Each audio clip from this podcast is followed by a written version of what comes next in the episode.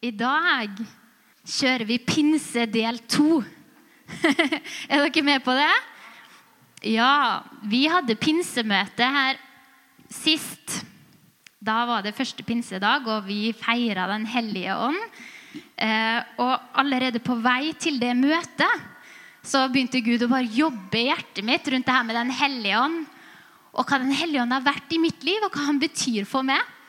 Og mens vi var her på møtet, etter lovsangen spesielt, så ble jeg så berørt av Den hellige ånd. Jeg, jeg satt og gråt og gråt halve prekena. Eh, og kjente en sånn her herlig tyngde av Guds nærvær. Eh, som forfriska meg så inderlig. Og gjennom hele den uka som har vært da, så har det her bare fortsatt å jobbe i meg.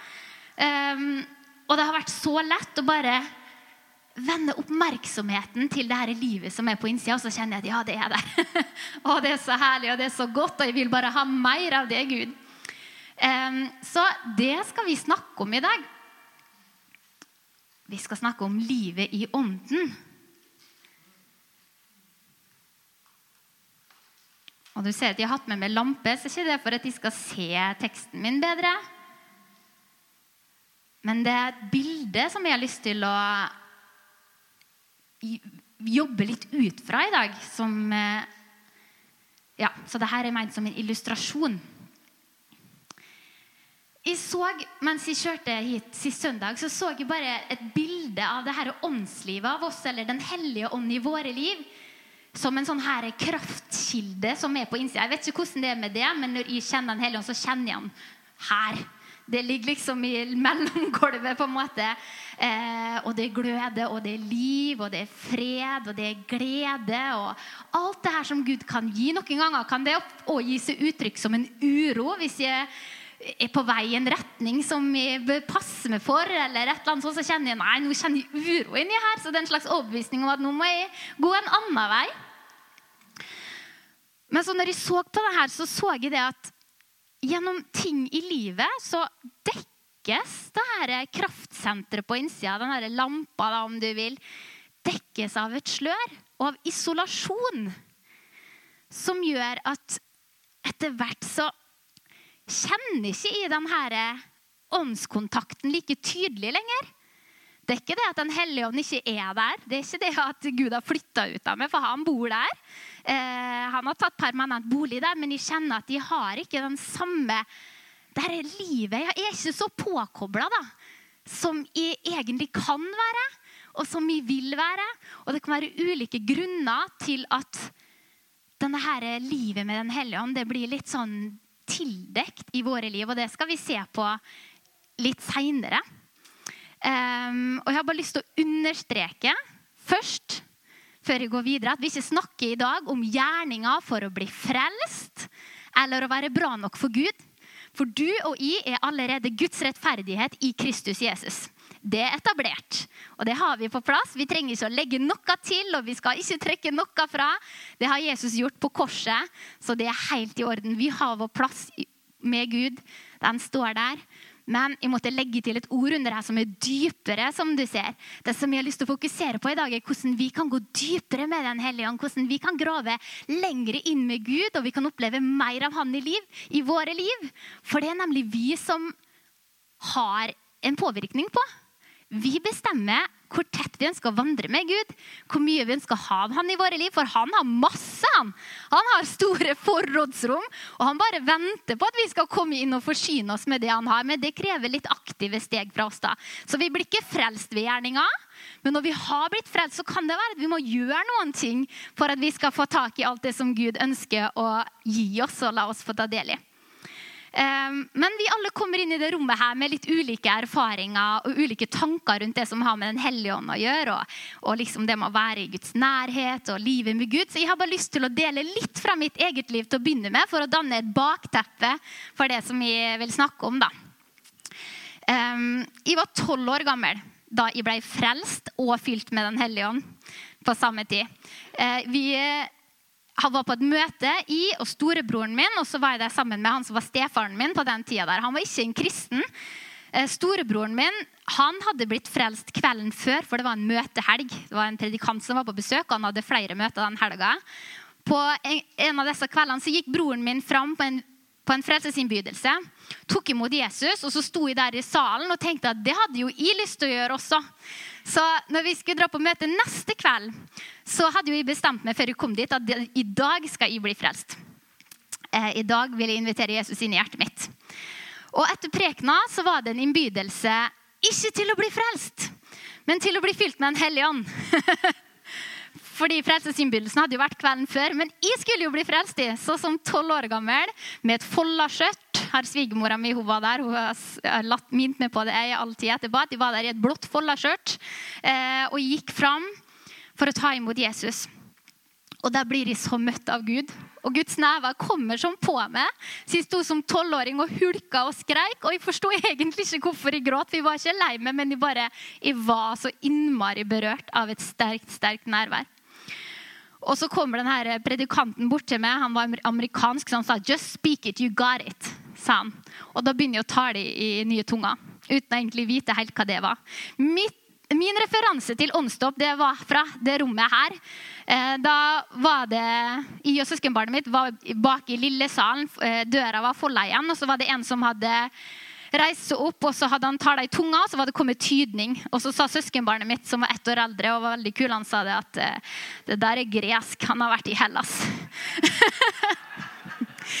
så um, men Den hellige ånd er ikke avhengig av vårt kunnskapsnivå. så når Den hellige ånd kom over meg og predikanten sa bare ta det du har det, og når de åpna munnen min, så kommer det nye tunga ut. Og Da var det skjedd en forvandling. Um, og bare sånn Uten å gå så mye inn i det, hjemme hos oss så hadde vi Det var ganske tøft hjemme hos oss. Uh, for stefaren min han hadde store problemer. Han, til slutt, han endte med å ta livet sitt for en del år siden. Han hadde det veldig vanskelig uh, med seg sjøl, og det tar man ut på sine nærmeste.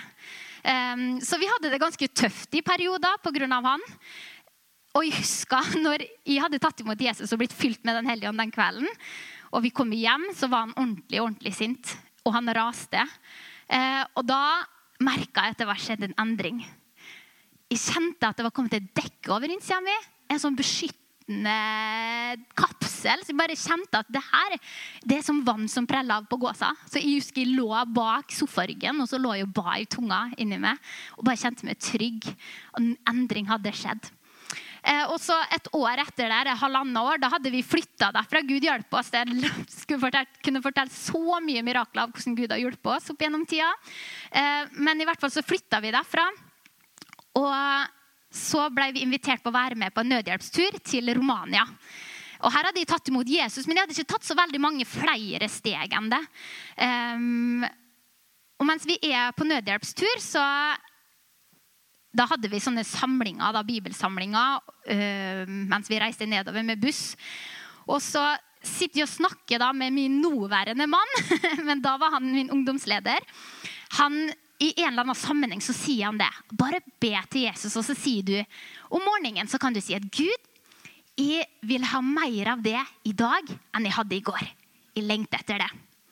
Så jeg bestemte meg for at i morgen tidlig så vil jeg be den bønnen. Jeg var 13 år gammel, jeg tenkte jeg måtte vente til morgenen.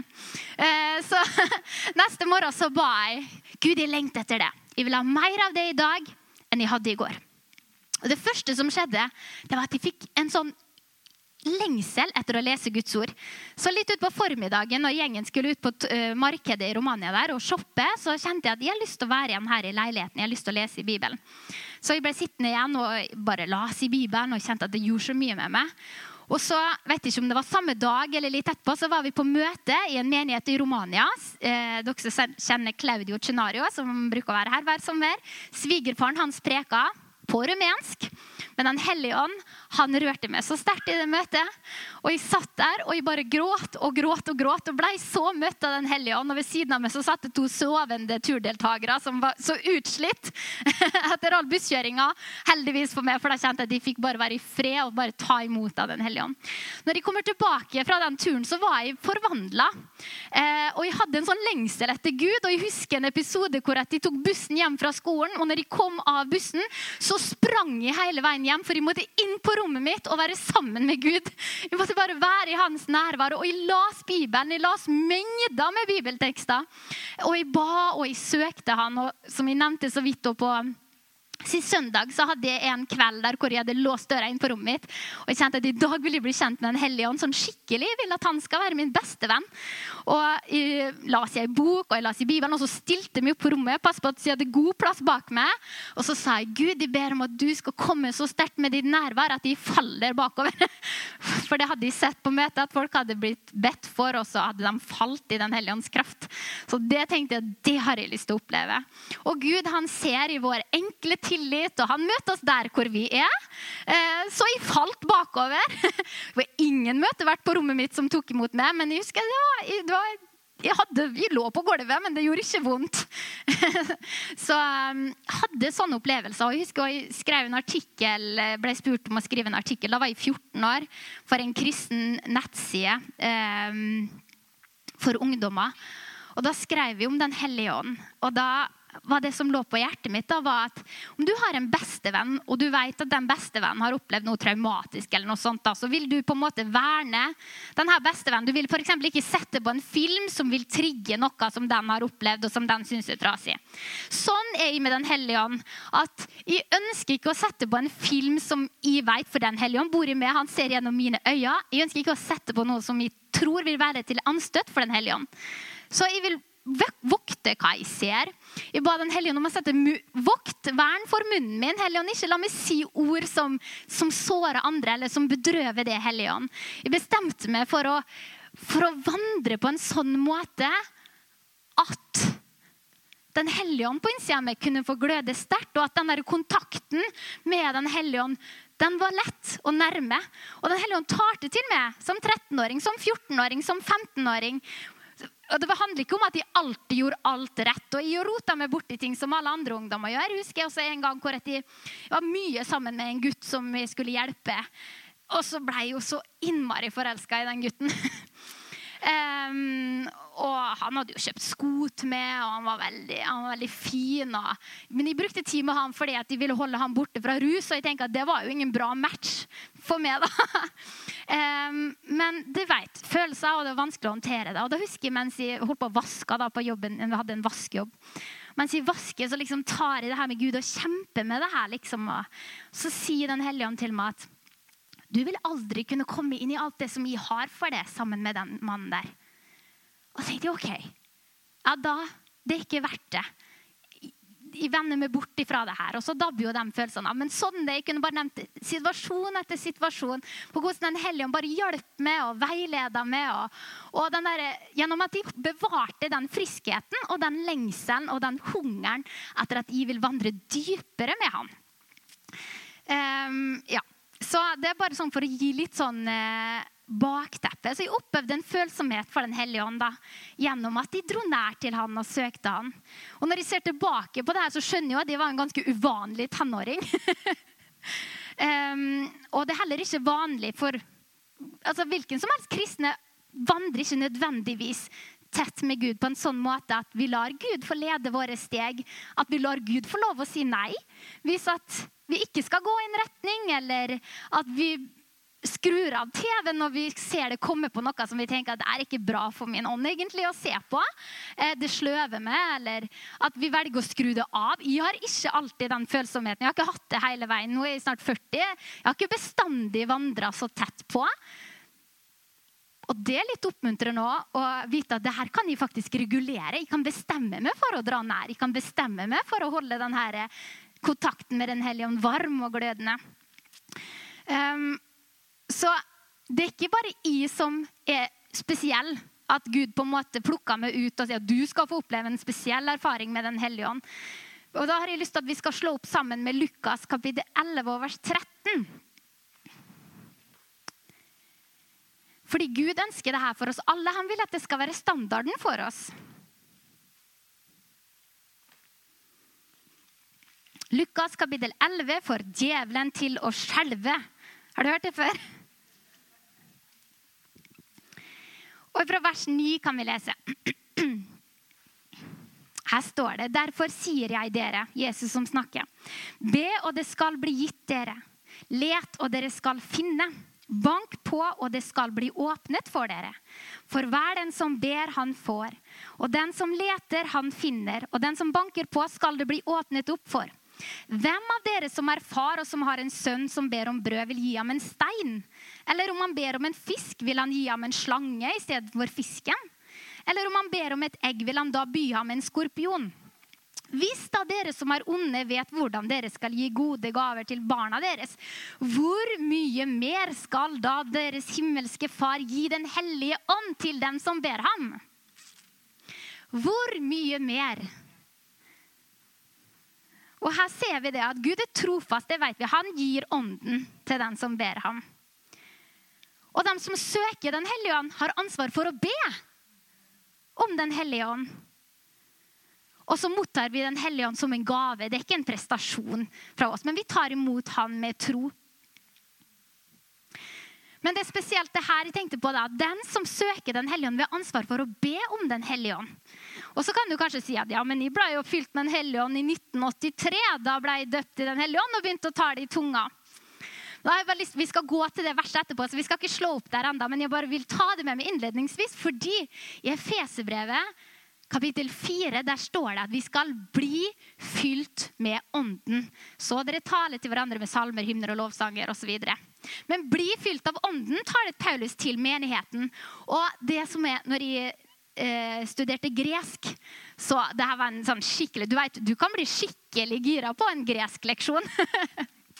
eh, der lærte jeg av læreren min at det ordet som Eller den tidsbøyninga, grammatiske tidsbøyninga av verbet 'fylt', det er et kontinuerlig aspekt ved det. Så når han sier 'bli fylt med ånden', så snakker han ikke om en engangshendelse, men han snakker om en kontinuerlig pågående prosess som vi kristne kan få erfare i våre liv.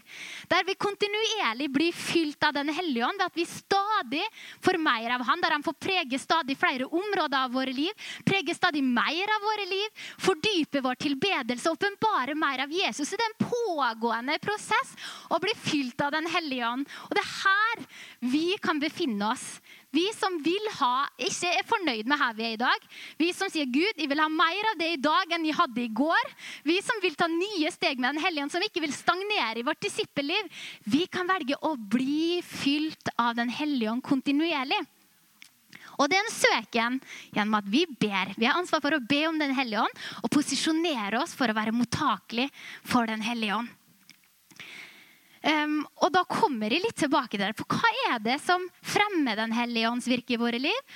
Og hva er det som hemmer Den hellige ånds virke i våre liv? Hva er det som kan skape litt sånn isolerende effekt som gjør at vi ikke kjenner hva Den hellige ånd egentlig ønsker å si til oss? For han tar det hele tida. Han gjør noe i oss konstant. Han har bestandig et ønske om å være med og prege oss og hjelpe oss og bringe oss videre. Men det er liksom vi da som velger i hvor stor grad det faktisk skal skje. Vi hørte et sitat også. Det har jeg hørt jo når jeg var ungdom og dere har fulgt meg hele tida. At virker Gud langt borte? Gjett hvem som flytta! For Gud han er der. Han er den konstante faktoren. Det er vi som er bevegelige. Og Vi som stadig trenger å korrigere kursen vår og endre oss. og det er ikke noe, Vi skal ikke kjenne på fordømmelse for det. Vi skal bare være bevisst på det, sånn at vi kan gjøre den kursendringa når vi ser at ok, nå har jeg drifta litt. Nå stiller vi tilbake, for det er jo her jeg vil være. OK. Um, bare se hva klokka er. Jeg kjenner at de har så mye mer jeg har lyst til å si i dag enn egentlig tida tillater. Uh, men jeg har bare lyst til å si litt av hva Den hellige ånd vil være for oss før vi går videre. Og da har jeg, jeg, har skrevet det, det kommer her, så du kan bare lese det med meg. Så slipper vi å bruke tid på å slå opp. Men Jesus han sier at Den hellige ånd vil være for oss. og da i Johannes 14 og 15. og det her, Bare vær oppmerksom på det. Disse kapitlene der i Johannes 14, 15, 16 og så utover, det er på en måte noe av det siste Jesus sa til disiplene sine før han dro. Og du vil på en måte si noe av verdi. da, Hvis du skal forlate noen, så vil du på en måte det her vil jeg dere skal sitte igjen med. I hvert fall. Husk det her. på en måte. Så ja, Det bruker jeg å ha i tankene når jeg leser eh, Johannes. Um, ok, Jesus sier da om Den hellige ånd at jeg vil be Faderen Og han skal gi dere en talsmann for at han skal bli hos dere til evig tid. Sannhetens ånd, som verden ikke kan få siden den verken ser ham eller kjenner ham. Men dere kjenner ham, for han blir hos dere og skal være i dere. Jeg skal ikke la dere bli igjen som foreldreløse. Jeg skal komme til dere. Og når jeg leser det her, så tenker jeg bestandig etterpå at det samme som Jesus var for sine disipler da han vandra her på jorda, vil Den hellige ånd være for oss i dag. Tenk på den litt. Eh, alt dette har jeg talt til dere mens jeg ennå er hos dere.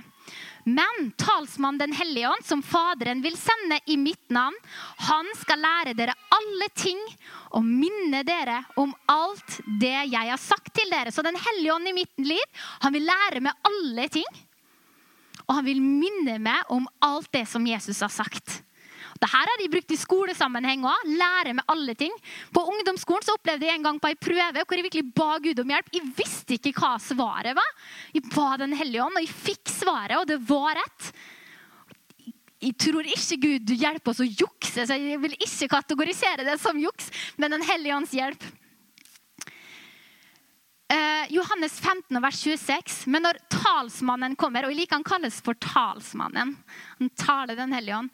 Han som jeg skal sende dere fra min far, sannheten sånn som går ut fra min far, da skal han vitne om meg. Og så sier Jesus, det er til det beste for dere at jeg går bort. For hvis ikke jeg går bort, kommer ikke talsmannen til dere. Men hvis jeg går bort, skal jeg sende ham til dere. Og neste. Jeg har ennå mye å si til dere, men dere kan ikke bære det nå. Men når Han, sannhetens ånd, kommer, skal Han veilede dere til hele sannheten. Og der tenker jeg liksom, Vi har ordet og ånden. Det må gå hånd i hånd i våre liv.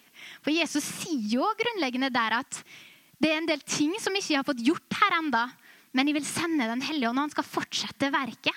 Så vi trenger Den hellige ånds virke i våre liv.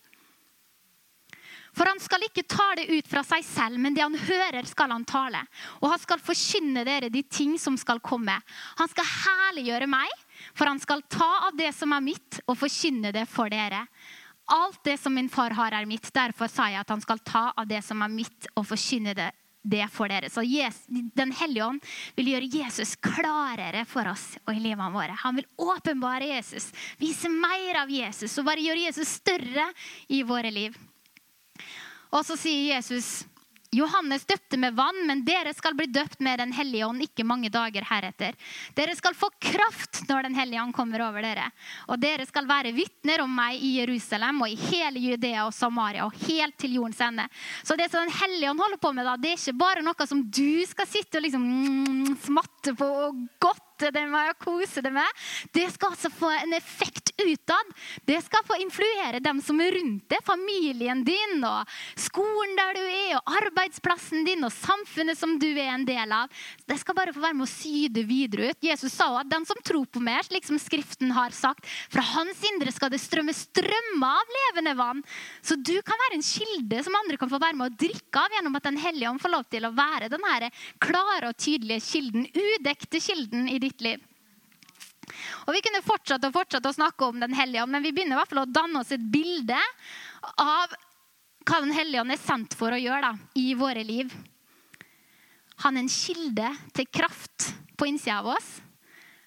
Han er ikke begrensa av det menneskelige. Og når vi lar han få lov til å regjere og håper å styre inni oss, så er ikke vi heller. Vi er kobla på guddommen her. Og vi trenger heller ikke være begrensa til bare det menneskelige med Den hellige ånd på innsida av oss. Eh, men hva er det da som hemmer Den hellige ånd i våre liv? Hva er det vi på en måte må være litt bevisst på når vi vil at denne kilden skal få være klar og sterk og levende og fungerende inni oss? Den skal boble og syde, vet du. Eh, og da kan vi gå inn i Hebrebrevet kapittel 12 og vers 1-3. Eller jeg tror vi bare leser vers 1 der. Hva er det som skaper denne isolasjonen? Derfor skal også vi, siden vi er omgitt av en så stor sky av vitner, legge av enhver byrde og synden som så lett fanger oss. og løpe med utholdenhet i den kampen som er lagt foran oss, mens vi ser på Jesus. Så her snakker forfatteren av hebreerbrevet han snakker om noen sånne byrder som vi må legge av. Og så sier han noe som jeg synes er litt sånn interessant. Han sier og synden som så lett fanger oss. Vi får liksom et bilde av at liksom det mens du springer, så plutselig det, så sånn Flåtten vet du, han hopper jo på når du går gjennom gresset uten at du mener den. Så du må liksom få av det her. Altså noe som lett fanger oss. Um, og jeg kan bare snakke ut fra min egen erfaring, da. For jeg vet hvordan det er i mitt liv. veldig tydelig. Men jeg merker det at det er ikke alltid jeg som er oppmerksom på eh, mine holdninger og hva, hva, mine, hva mine handlinger på en måte er motivert av, og hvilken effekt det har. Um, eller frykt som på en måte plutselig er inntatt med, eller mindreverdighetsfølelse. Altså byrder, synd, eh, distraksjoner. Jeg ble så veldig opptatt av et eller annet borti her, og så glemte jeg helt hva jeg egentlig holdt på med der borte, som var sentralt. Men jeg ble bare leda bort av altså det, det var så superspennende å være her. Og så trenger jeg på en måte å rekalibrere meg at oi, ja, det var jo egentlig noe jeg holdt på med her borte. Noe, og plutselig så har det her hengt seg fast i meg, eller plutselig så har det her dratt meg bort. Eller oi, det som jeg sa til mannen min her forleden, det var jo skikkelig Det var fullt av stolthet, eller det var jo rett og slett stygt sagt. eller Det, det trenger jeg å vende meg bort fra. Det var ikke bra. Um, synd som lett fanger oss. Byrder som legger seg på oss. Mindreverdighetsfølelse. At, oh, nei, det her trenger jo det her skal jo ikke jeg ha på meg. Det her drar meg jo ned. Det her er ikke av Gud. Det her vil ikke jeg ha. Det er sånne ting som jeg tenker kan være med på å isolere i våre liv. da. Um, og Så kan vi gå til Efeserbrevet kapittel 4, mens vi fortsetter i samme året der. Og Her er tittelen så veldig fin. 'Et nytt liv i ånden'. Han snakker jo til menigheten her, Paulus.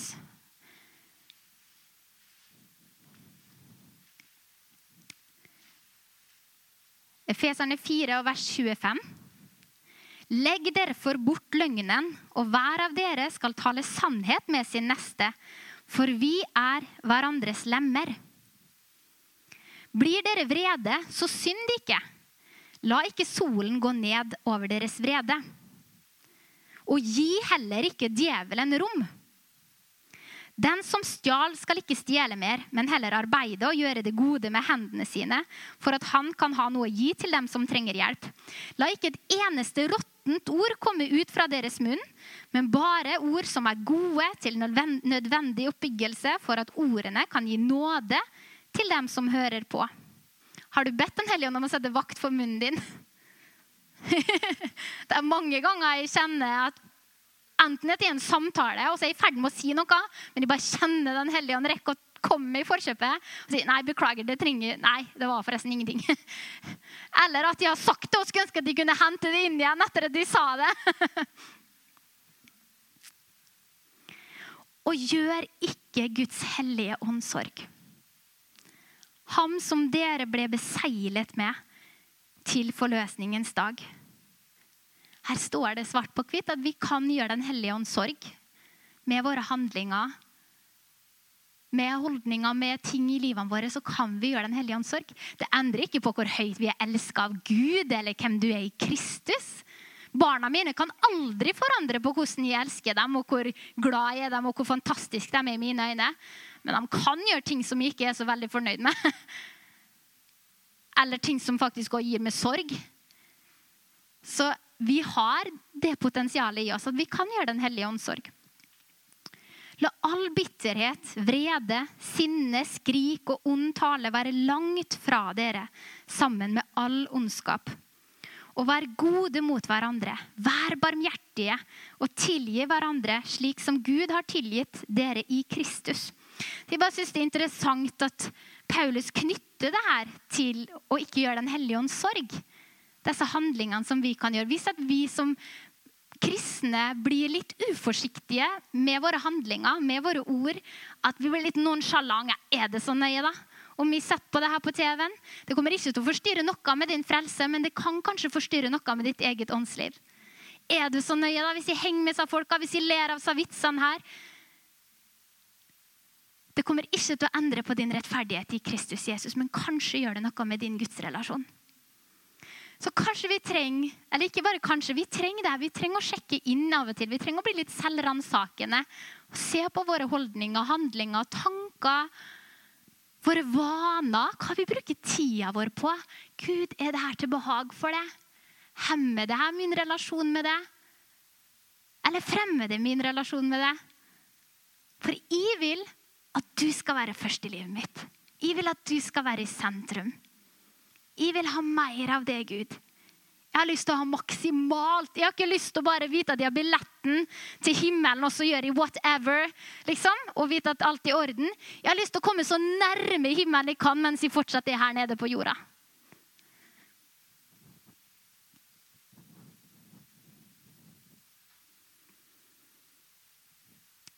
Han sier vers 6, kapittel 5 og vers 6 så sier Paulus la ingen forføre dere med tomme ord, for på grunn av disse ting kommer Guds vrede over ulydighetens barn. Bli derfor ikke delaktige med dem. Og da begynner jeg å tenke litt. Vi har hatt en forkynnelse som, som, har vært litt sånn hyper det kalles det for. da. Og det er nærmest sånn du kan gjøre hva du vil. Det spiller ingen rolle, liksom, for nåden dekker alt. Og den gjør nåden dekker. Nåden er kraftfull. Men vi skal ikke bli hensynsløse i vår oppførsel som kristne for dem. Og en sånn, Jeg bare hørte ei jente snakke, og jeg bare tenkte konsekvensen av en sånn forkynnelse, for hun sa det. At altså, jeg har ingen problem om å leve, leve i synd gjør synd. Det fører meg bare nærmere Gud når jeg kommer til Han igjen og får be om tilgivelse. Det er ikke sånne frykter som, frukter som vi ønsker å se blant Guds folk. La ingen forføre dere med tomme ord, for på grunn av disse ting kommer Guds vrede over ulydighetens barn. For dere var en gang mørke, men nå er dere lys i Herren. Vandre som lysets barn. For åndens frukt består i all godhet, rettferdighet og sannhet, i det dere prøver hva som er til behag for Herren. Og det er ikke i egen kraft du skal framprodusere alle disse rettferdige gjerningene. For åndens frukt består i all godhet, rettferdighet og sannhet. Det er et frukt av at du lever et liv tett på Den hellige ånd. Da kommer det som et resultat. Og det går litt sånn lekende lett. Kontra at du liksom må arbeide og liksom Nei, jeg må ikke si de ordene. Jeg må ikke fornærme den personen. Jeg må ikke si noe stygt til Lars nå. Jeg må ikke Det er ikke sånn at du liksom må streve hardt for å liksom ikke tråkke over, men at det kommer som et resultat av et liv Den hellige. Så får du lyst til å være hyggelig, og du får lyst til å være god med mennesker. Du får lyst til å være med og gi inn i misjon, eller eh, Du får et liv som behager Gud som et resultat av at du lever med han. Um, og så kan vi bare hoppe da til vers 15. Se da til at dere vandrer varsomt. Ikke som uvise, men som vise. Så dere kjøper den beleilige tid, for dagene er onde. Vær derfor ikke uforstandige, men forstå hva som er Herrens vilje. Og bli ikke fulle av vin, for det fører bare til utskeielser. Og her kommer det vi snakka om i stad. Men bli fylt av Ånden, slik at dere taler til hverandre med salmer og lovsanger og åndelige viser i det dere synger og spiller i deres hjerter for Herren. Og alltid takke Gud for vår Far for alle ting i vår Herre Jesu Kristi navn. Og underordne dere hverandre i Guds frykt. Så drikk dere ikke full av vin. Det er det samme grammatiske tidsbøyninga her. Nå er vi inne i grammatikk, som noen elsker og andre hater. Altså, det blir full, ikke Drikk dere ikke full av vin. Det er snakk om ikke å ha en kontinuerlig vane nå, at du er en, på en måte en drukken bolt. da. Men bli fylt av Ånden. altså Vær en sånn som bare har fått vane av å fylle det med Den hellige ånd. Og Gud gir villig hvor mye mer skal han ikke da gi Den hellige ånd til den som ber ham? Så når du starter dagen din med å si 'Gud, fyll meg med Den hellige ånd i dag', jeg åpner mitt hjerte, jeg tar imot det, Herre. Da ber vi den bønna i tro, og så tar vi imot det. Han vil fylle oss. Han vil la oss få vandre tett på. At den kontakten med han kan få være hudløs. Og når det gjelder da synd og sånne ting, så veit vi 1. Johannes kapittel 1 og vers 8 og 9. Først så står det at den som sier at han ikke har synd, bedrar seg sjøl. Og da er ikke sannheten i oss. Så vi må bare erkjenne det. At jo da, vi trår feil. Men hvis vi bekjenner våre synder, da er han trofast og rettferdig. Så han tilgir oss våre synder og renser oss fra all urettferdighet. Jeg bare synes det er så herlige ord der. Han er trofast og rettferdig, så han tilgir oss syndene og renser oss fra all urettferdighet. Det er borte. Du er helt rein. Det er bare å komme inn for han og ta imot. Det fortjener et halleluja. Så et vedvarende sterkt liv med Den hellige ånd det forutsetter at vi er oppmerksomme på hva som foregår i oss, og hva som kommer ut av oss. Og noen ting er lett å oppdage. Altså Når det er snakk om på en måte ondskap og skrik og vrede og, så, og stjele og lyge og sånn, det, det, det, er veldig sånn tydelig. Mens andre ting Bitterhet, utilgivelighet, råtne ord. Det kan være ting som er sagt med en sånn Vi prøver nesten å kamuflere det, men egentlig var det ganske råttent, det du sa. Det er sånne ting som kanskje er litt vanskeligere å oppdage. Bitterhet, f.eks. Jeg husker én situasjon det er en gang i mitt liv hvor jeg virkelig kjente Nå blir jeg bitter. Og det bare det kjentes som det bare frøyste is i sjela mi. Det var skikkelig rart. Jeg vet akkurat hvor jeg sto. Jeg vet akkurat hva jeg så på. Og jeg bare kjente nå blir jeg bitter. Jeg greier ikke. Var, jeg var så såra. Nå blir jeg bitter. Så gikk det to uker hvor jeg kjente at jeg bar den bitterheten der nå. Og så fikk jeg en drøm som bare Jeg skjønte at det her vil jeg ikke holde på. Og jeg bare Gud, tilgi meg. Jeg omvender meg. Det er greit. Jeg slipper det. For Vi kan av og til føle at vi har rett til å holde fast på utilgivelighet. Og Noen har kanskje opplevd ting i rommet her som har vært grusomt og som er helt forferdelig. Tilgivelsen er ikke for den andre sin del. Han fortjener ikke nødvendigvis din tilgivelse, men du fortjener at du får tilgitt. At du får gi slipp på det her. For det er ikke verdt det, fordi at det er med på å skape det sløret her. Utilgivelighet. Når vi forherder hjertene våre, så bygger vi en mur rundt hjertet vårt. Og det er en naturlig reaksjon, for det er et selvforsvar. Men problemet er bare at den muren den er ikke selektiv. Den holder ikke unna bare det som du vil beskytte det mot, men den holder også unna Guds godhet. Den holder unna andre mennesker som kommer, som er pålitelige, og som vil være der for det, som vil støtte det. Men når du har en mur, så er ikke du mottakelig for det. Så med Guds hjelp bare få revet ned den muren. Og så får han hjelpe til å bygge det et gjerde i stedet med en port. Der du kan stenge ute det du kjenner det her vil ikke ha i hjertet mitt. Og så kan du slippe inn det som du vil ha der. Amen? Yes. Vi vil ikke ha det her sperret mellom oss. Det er ikke verdt det. Og bare Johannes, 1. Johannes Johannes 3,3, og jeg skal bare si det, og der står det hver den som har dette håpet til ham, Eh, og Her står det om at vi skal bli lik han, og sånn, og så videre, men det er bare konseptet som vi vil ha fram. Han renser seg selv like som han er ren. Så det er bibelsk folkens, at vi er selvransakende, at vi ber om tilgivelse og vi renser oss sjøl.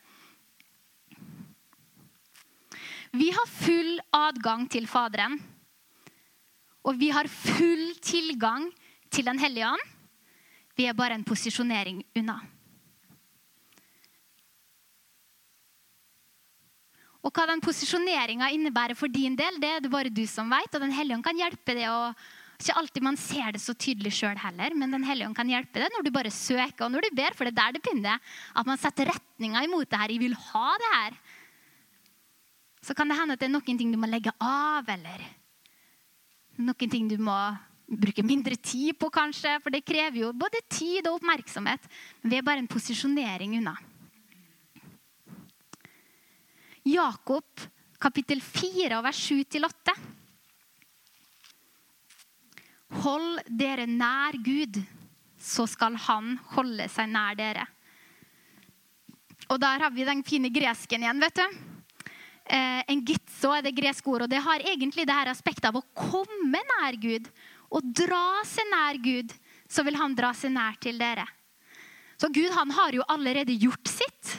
Han har jo allerede armene vi åpne tilrettelagt for at vi skal være der sammen med han. Det er bare vi som trenger å ta det steget nær til han. Og da har han klart å ta det steget. Så du har det første steget. Initiativet ligger hos deg, ikke hos Gud. Er ikke det herlig? Jeg har full kontroll på det her, på en måte at jeg kan nærme meg Gud. Jeg trenger ikke å vente på noe. Jeg, har, jeg trenger bare å ta styring på meg sjøl. og ta steg nær til Han. Så drar Han nær til oss. Det er en sang som, eh, det er et vers av en sang som vi hører mye på hjemme hos oss for tida. som heter, Og jeg vet at en Ishol, en fra Oppdal, har vært med og skrevet den sangen. Um, 'Kom og ta din plass', heter den. Den plassen du fortjener, Gud. La min tid bli til din ære. Kom og ta din plass, den plassen du fortjener, Gud. La mitt liv bli til din ære. Og så har jeg fått det med på presentasjonen, så hvis du bytter ark der, så er det et vers der som sier Gud, det er så mye jeg kan velge som kan virke godt og sant. Men av mange tusen muligheter setter jeg deg først av alt. Og er det ikke, Jeg tror det aldri har vært så sant som i dag. Det er så mye vi kan velge. Og mye godt og sant. Men av tusen, mange tusen muligheter så velger jeg å sette det først av alt, Herre. For når alt kommer til alt, så er det Han som teller. Det er ingenting som kan måle seg med Han. Så hva ønsker du å gi det til? Hva skal få din oppmerksomhet? Og ønsker du at Gud skal få din udelte oppmerksomhet, din udelte hengivenhet? Han er virkelig verdt det. Så vil vi velge å søke og bli fylt av Ånden, så han kan levendegjøre og åpenbare mer av Jesus for oss. Vis oss ting som skal komme. Led oss til hele sannheten. Fordype vår tilbedelse. Jeg er i hvert fall ikke tilfredsstilt. Jeg vil forvalte fokuset og tida mi til Guds ære. Og så vil jeg si med Paulus Og da kommer det opp her nå. Her er et av mine favorittvers som jeg lever ånde for. Si. Men alt det som var en vinning for meg, det regner jeg som tap for Kristi skyld. Her har Paulus lista opp prestasjoner, ting som han har i rett av at han er liksom født inn i en sånn og sånn stamme. og Han var liksom en mann av rang. Men alt det som var en vinning for meg, det regnes som søppel. Regner det som tap for Kristus skyld. Ja, så visst regner jeg alt som tap sammenlignet med det som er så mye mer verdt, kunnskapen om Kristus Jesus, min Herre. Så når vi står på valg, når vi må velge mellom skal jeg gjøre det her eller skal jeg gjøre det her, og spesielt hvis det står i konflikt med å leve med Gud, med å leve nær til Gud, så kan vi sette det i perspektiv av det her. Sammenligna med å kjenne ham. Ja, da blir det søppel. Når du kjenner en fristelse, en synd, altså, når djevelen kommer med en synd og frister det og lokker det Vi lokkes og dras bort av vårt begjær, står det. Så hva enn det måtte være som lokker og drar i det, sett det opp mot Skal jeg velge et nært og godt eh, fellesskap med Jesus, eller skal jeg velge denne synden? Ja, da, Jeg syns det valget blir kjempelett. Bare, jeg må bare få sette det opp i det perspektivet. Jeg må bare få den klarheten at det er det her som står på spill, faktisk. Jeg vil ikke ofre den relasjonen med Jesus. Jeg vil ikke ofre den nærheten. På grunn av ham har jeg lidd tap på alt. Og jeg regner det som søppel for at jeg skal vinne Kristus. Å, det er så godt å si det. Hva enn om du har liksom, å, jeg vil ha en Tesla, jeg vil ha et stort hus, jeg vil ha sånn, og jeg må jobbe masse for å få tak i det. Hvis det går på bekostning av relasjonen med Jesus. Jeg regner det som søppel. Søppel-Tesla, søppelhus, søppelklær, søppelrelasjoner, søppel ditt, søppel datt. Fordi jeg har ett mål. Jeg vil kjenne Jesus. Jeg har lyst til å være nær ham. Jeg er ikke villig til å ofre noe. Jeg er ikke villig til å sette denne relasjonen her på spill. Det er det viktigste for meg. Første pri, det er å kjenne Jesus. Hva er neste? Å bli funnet i ham. Ikke med min egen rettferdighet, den som er av loven, men den som blir gitt ved troen på Kristus. Rettferdigheten som er av Gud på grunn av troen, for at jeg skal kjenne ham og kraften av hans oppstandelse og samfunnet med hans lidelser ved at jeg blir likedannet med hans død, om jeg på denne måten kan nå fram til oppstandelsen fra de døde.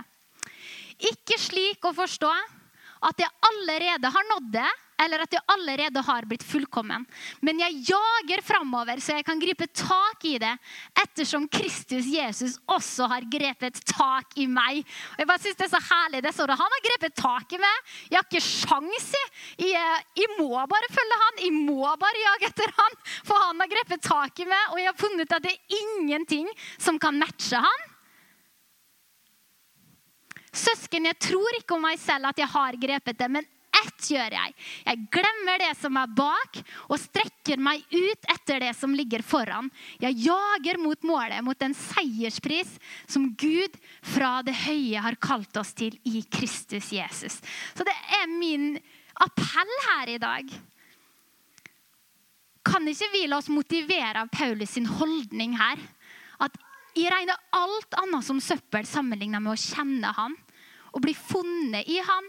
Ikke med min egen rettferdighet av loven, men den som er, Kristus, som er av troen i Kristus Jesus, min Herre. Og Jeg vet de ikke fullkommen. Jeg tror ikke at de har nådd det, men jeg glemmer det som ligger bak. Jeg legger av med alt det som hemmer, alt det som bremser, alt det som holder meg tilbake. Og så jager jeg mot målet. Jeg jager mot Han. Jeg vil kjenne Han.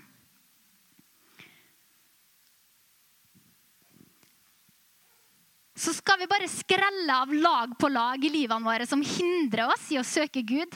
Og det trenger ikke å være nødvendigvis synd eller sånne ting heller. I, i mitt eget liv så sleit jeg over lengre tid. Jeg, jeg hadde jo en sånn lengsel etter Gud. Jeg ville jo bare være sammen med han, men det var som om jeg hadde en sånn strikk festa i ryggen min. Når jeg sprang etter han, så ble jeg helt rykka tilbake igjen. kjente jeg. hele meg bare sa Gud, jeg vil overgi meg helt, men jeg hadde en redsel. Jeg var redd for at Gud ville ta fra meg ting som var viktig for meg. Ting som jeg på en måte hadde veldig lyst på. Jeg hadde et sånt bilde av Gud at hvis jeg overga hele meg til Gud Du vet når vi synger 'Jeg vil gi deg alt', så vil Gud si at 'det må du gi bort', 'det må du kvitte deg med', 'det må du slutte med'. Det var et litt sånn feilaktig gudsbilde som jeg hadde. Men når jeg lærte meg å stole på at Gud er bare god, han har bare gode tanker for meg, og i hans planer til det beste for meg, er det ingen som kan måle seg med han. Altså, Så hvis Gud sier at 'det her bør du ta bort', OK? Ja vel, hvis du sier det sånn, så tror jeg på at det faktisk er best for meg. Så da gir jeg slipp på det, fordi du har sagt det, og jeg vet du elsker meg, og du har bare gått for meg. Så da, når jeg lærte meg da å hvile og stole på Guds kjærlighet, så kunne jeg gå all in, og da kunne jeg springe etter han og kjenne at det er ingenting som holder meg tilbake. Og så får jeg bare korrigere meg på vandringa, sånn som vi alle sammen må gjøre. Må gjøre. Så jeg har lyst til å invitere oss. Og Maria, kan ikke du komme og spille jeg har lyst til å invitere oss i dag til å ta et aktivt steg hvis du kjenner at det er noen ting i livet mitt som jeg har lyst til å kvitte meg med, fordi jeg opplever at det her er med på å skape isolasjon. Isolere meg fra det her klare og tydelige og herlige og glødende livet i Den hellige ånd. Eller du har kjent andre ting som holder tilbake. Eller hvis du bare vil bestemme deg for Gud, jeg vil ha mer av det i dag enn jeg hadde i går. Jeg har lyst til å invitere det til å komme fram. Og det er ikke fordi Du kan gjerne ta den beslutninga der du sitter, og du må ikke komme fram. Men når vi tar en sånn aktiv handling, så får vi liksom Vi gjør en markering som blir tydeligere for oss. Og så tar vi litt tid å bare hylle han og tilbe han og bare hvis du vil, bestemme deg for at jeg vil ha mer av det, Gud, i dag enn jeg hadde i går. Jeg har lyst til å følge det helhjerta. Jeg har lyst til å komme dypere inn i relasjonen med det, Jesus.